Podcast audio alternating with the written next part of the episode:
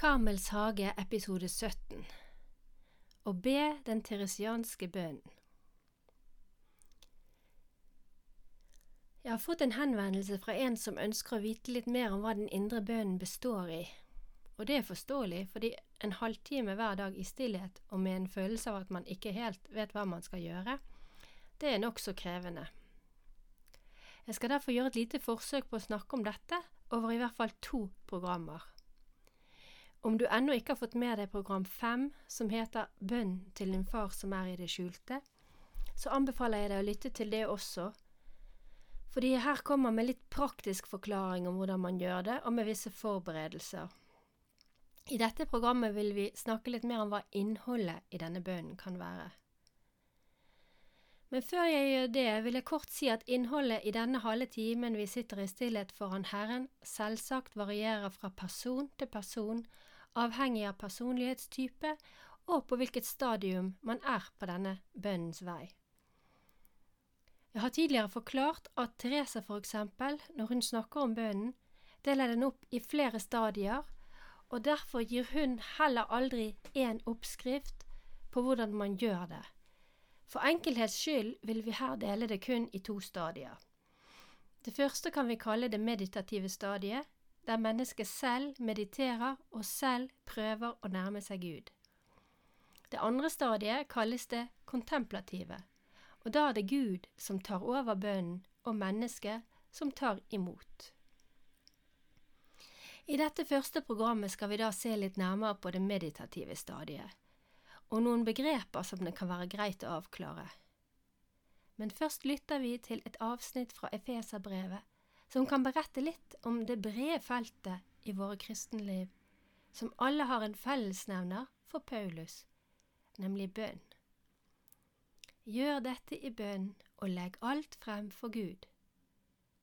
Jeg leser fra Efeserne kapittel 6. Stå da fast Spenn sannhetens belte rundt livet, og kle dere i rettferdighetens brynje.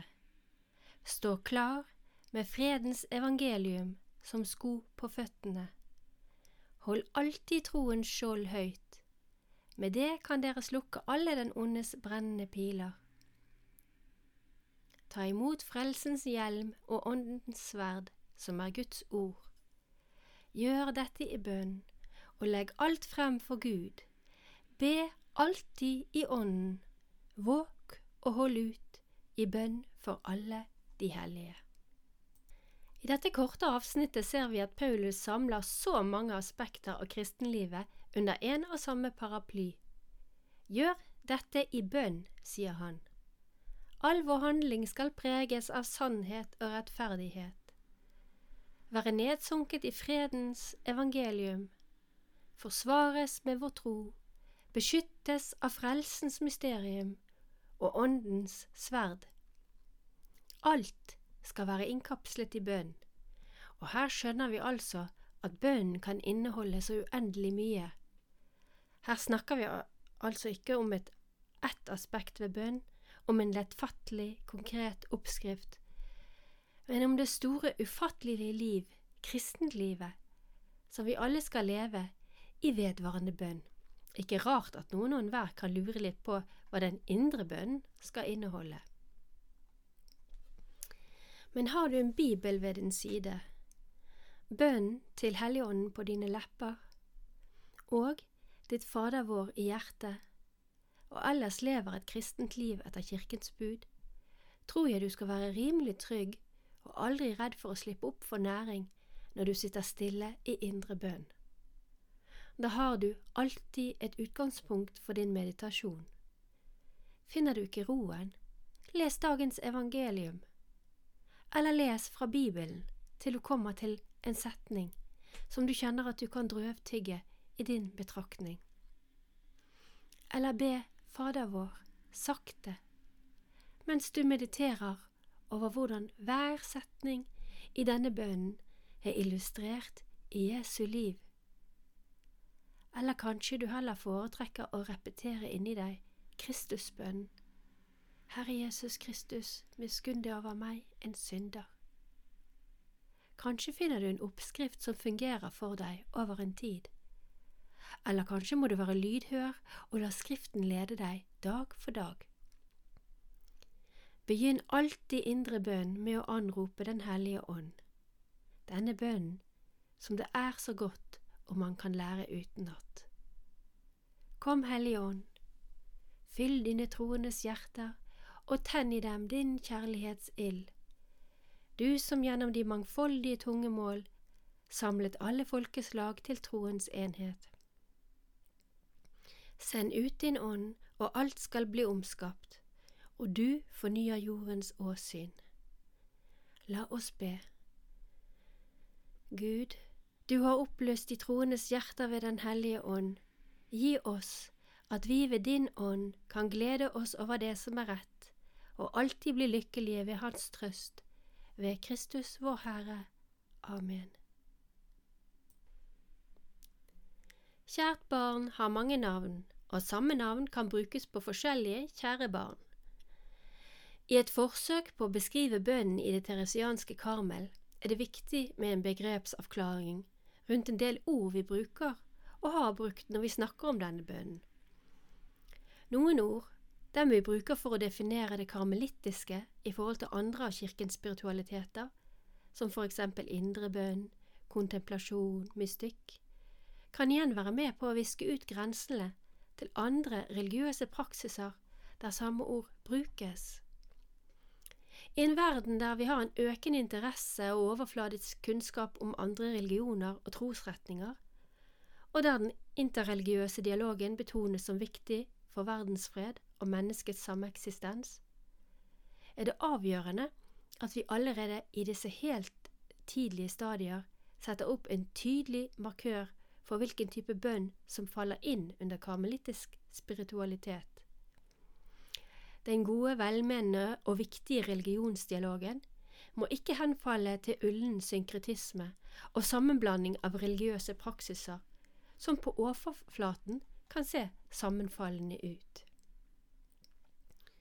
Mystikken, som jo er en av Karmels markører, kan altså bli en forvirrende sekkebetegnelse om den ikke fylles med konkret innhold. Den vokser frem i den stille, ordløse bønnen, som jo kan kalles Karmels kjennetegn. Og om denne praksisen finner man brukt ord som meditasjon, kontemplasjon og da indre bønn. Ord som også brukes i andre religioner og trosretninger, og her må det settes en tydelig grense i forhold til andre religiøse, mystiske praksiser. Ordene meditasjon og kontemplasjon brukes på norsk for eksempel også om hinduistisk mantrameditasjon eller buddhistisk meditasjon, og går vi inn i New Age-relaterte praksiser, finner vi stor variasjon og bredde i bruken av for eksempel begrepet meditasjon. Som søkende og kirkeløs på 1990-tallet var jeg i kontakt med flere av disse, før jeg altså fant denne fullkomne karmelittiske indre bønnens vei. Hva er så indre bønn?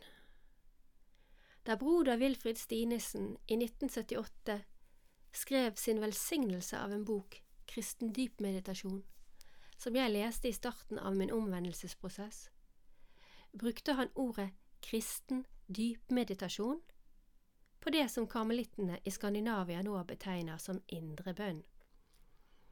Dette hadde en pedagogisk dimensjon, den å fortelle omverdenen som på denne tiden hadde oppdaget og omfavnet østlige meditasjonsformer, at den kristne tradisjonen også er bærer av et bønneliv som strekker seg dypt inn i mystikkens kjerne, men også for å si at den kristne meditasjonen er vesensforskjellig fra andre tradisjoner. Den er kristen, og ikke kun en generisk mystisk praksis. Den indre bønnen dreier seg altså om personen som trer frem i våre kristne univers, som sann Gud, sant menneske, frelser og forløser. Jesus Kristus.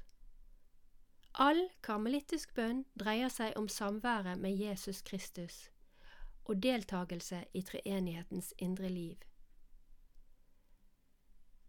Den kristne indre bønnen søker aldeles ikke tomhet, men fylde.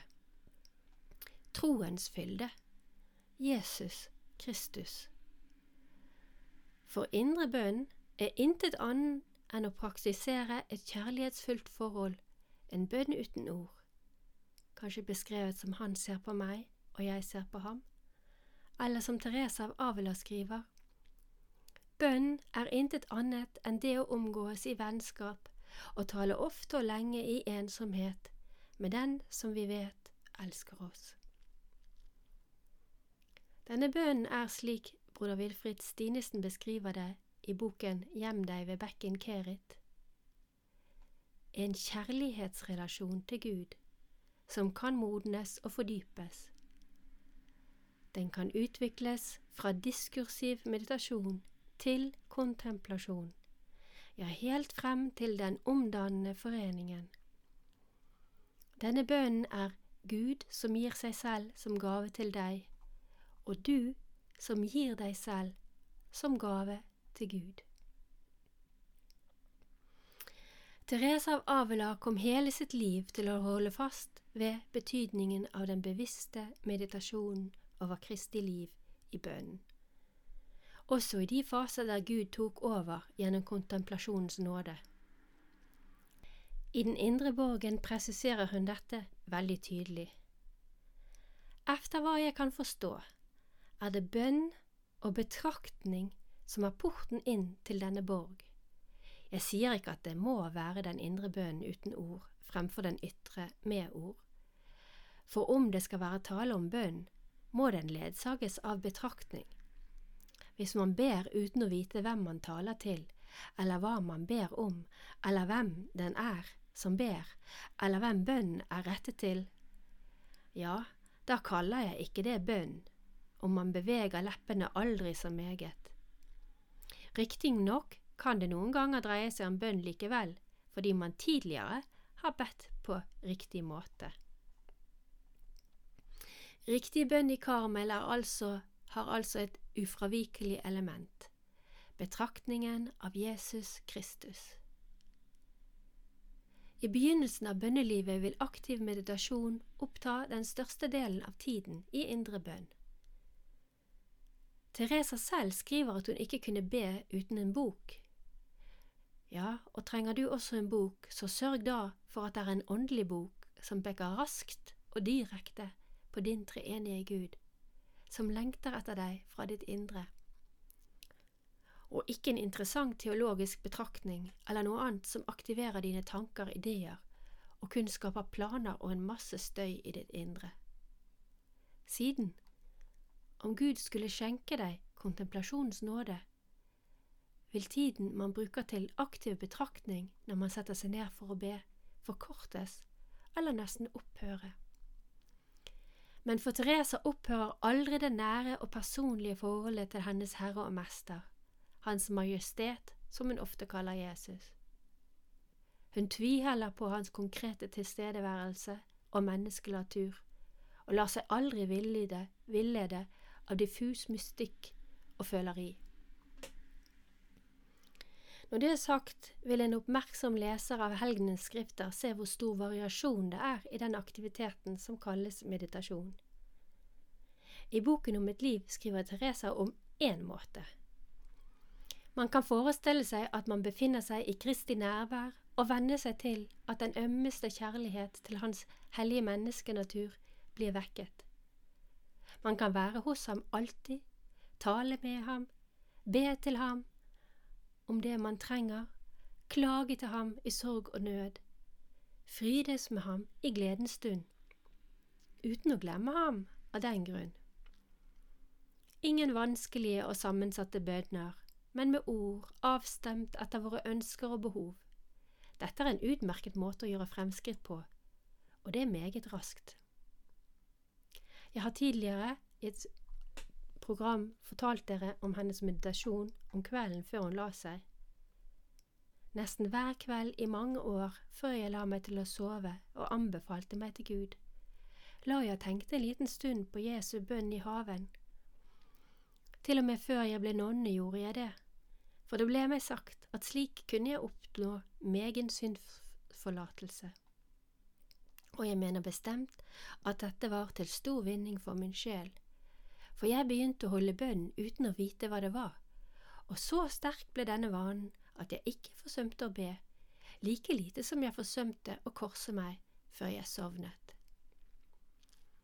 Selv om hun innser at ikke alle til alle tider kan klare å fokusere på Jesu lidelse, og at noen må velge andre tema, er det nettopp Kristi lidelse som er det meditasjonstema som bevirker den bønnen i Teresa som vi muligens kan kalle tårenes bønn. En bønn Gud skjenket Teresa i meditasjonen allerede tidlig i hennes bønneliv. Teresa er altså ikke redd for tårene, for hennes vedkommende er de ensbetydende med bønn. I beskrivelsen av bønnens fire stadier, vanningsmåter, sier hun nettopp med vann mener jeg her tårer, og skulle de ikke finnes, ømhet og en dyp følelse av andakt. Men, og her må hver og en av oss være åpen for hvordan Gud leder akkurat oss. Ingen må prøve å få til verken tårer eller salige følelser, men det er greit å vite litt om alt som kan skje, og at alt som kan skje, når det vel å merke skjer i Den hellige ånd, skal lede sjelen videre mot foreningen med sin elskede. Også tørke, eller det som vi tenker på som at ingenting skjer. Meditasjon er heller ikke forbeholdt fantasiens og betraktningens indre liv. Den kan like gjerne være basert på ikoner, betraktning av bibelske scener gjennom kunst, eller for eksempel likkledet i Torino eller Veronicas svetteduk.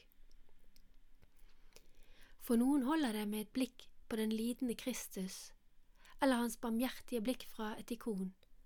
Så sjelen i dyp andakt og forening med Herren. Teresa selv beskriver en skjellsettende opplevelse med en billedlig fremstilling av Jesus, den som ledet til hennes andre omvendelse i inkarnasjonsklosteret. Min sjel var nu så trett og ønsket bare ro og hvile, men dårlige vaner hindret den i å finne det. En dag hendte det, da jeg trådte inn i kapellet, at jeg fikk se et bilde som var blitt brakt dit i anledning av en fest som skulle feires i klosteret. Det forestilte Kristus, så full av sår, at det fylte meg med andakt. Jeg var dypt rystet over å se ham slik, så klart gjenga bildet alt det han hadde lidd for vår skyld.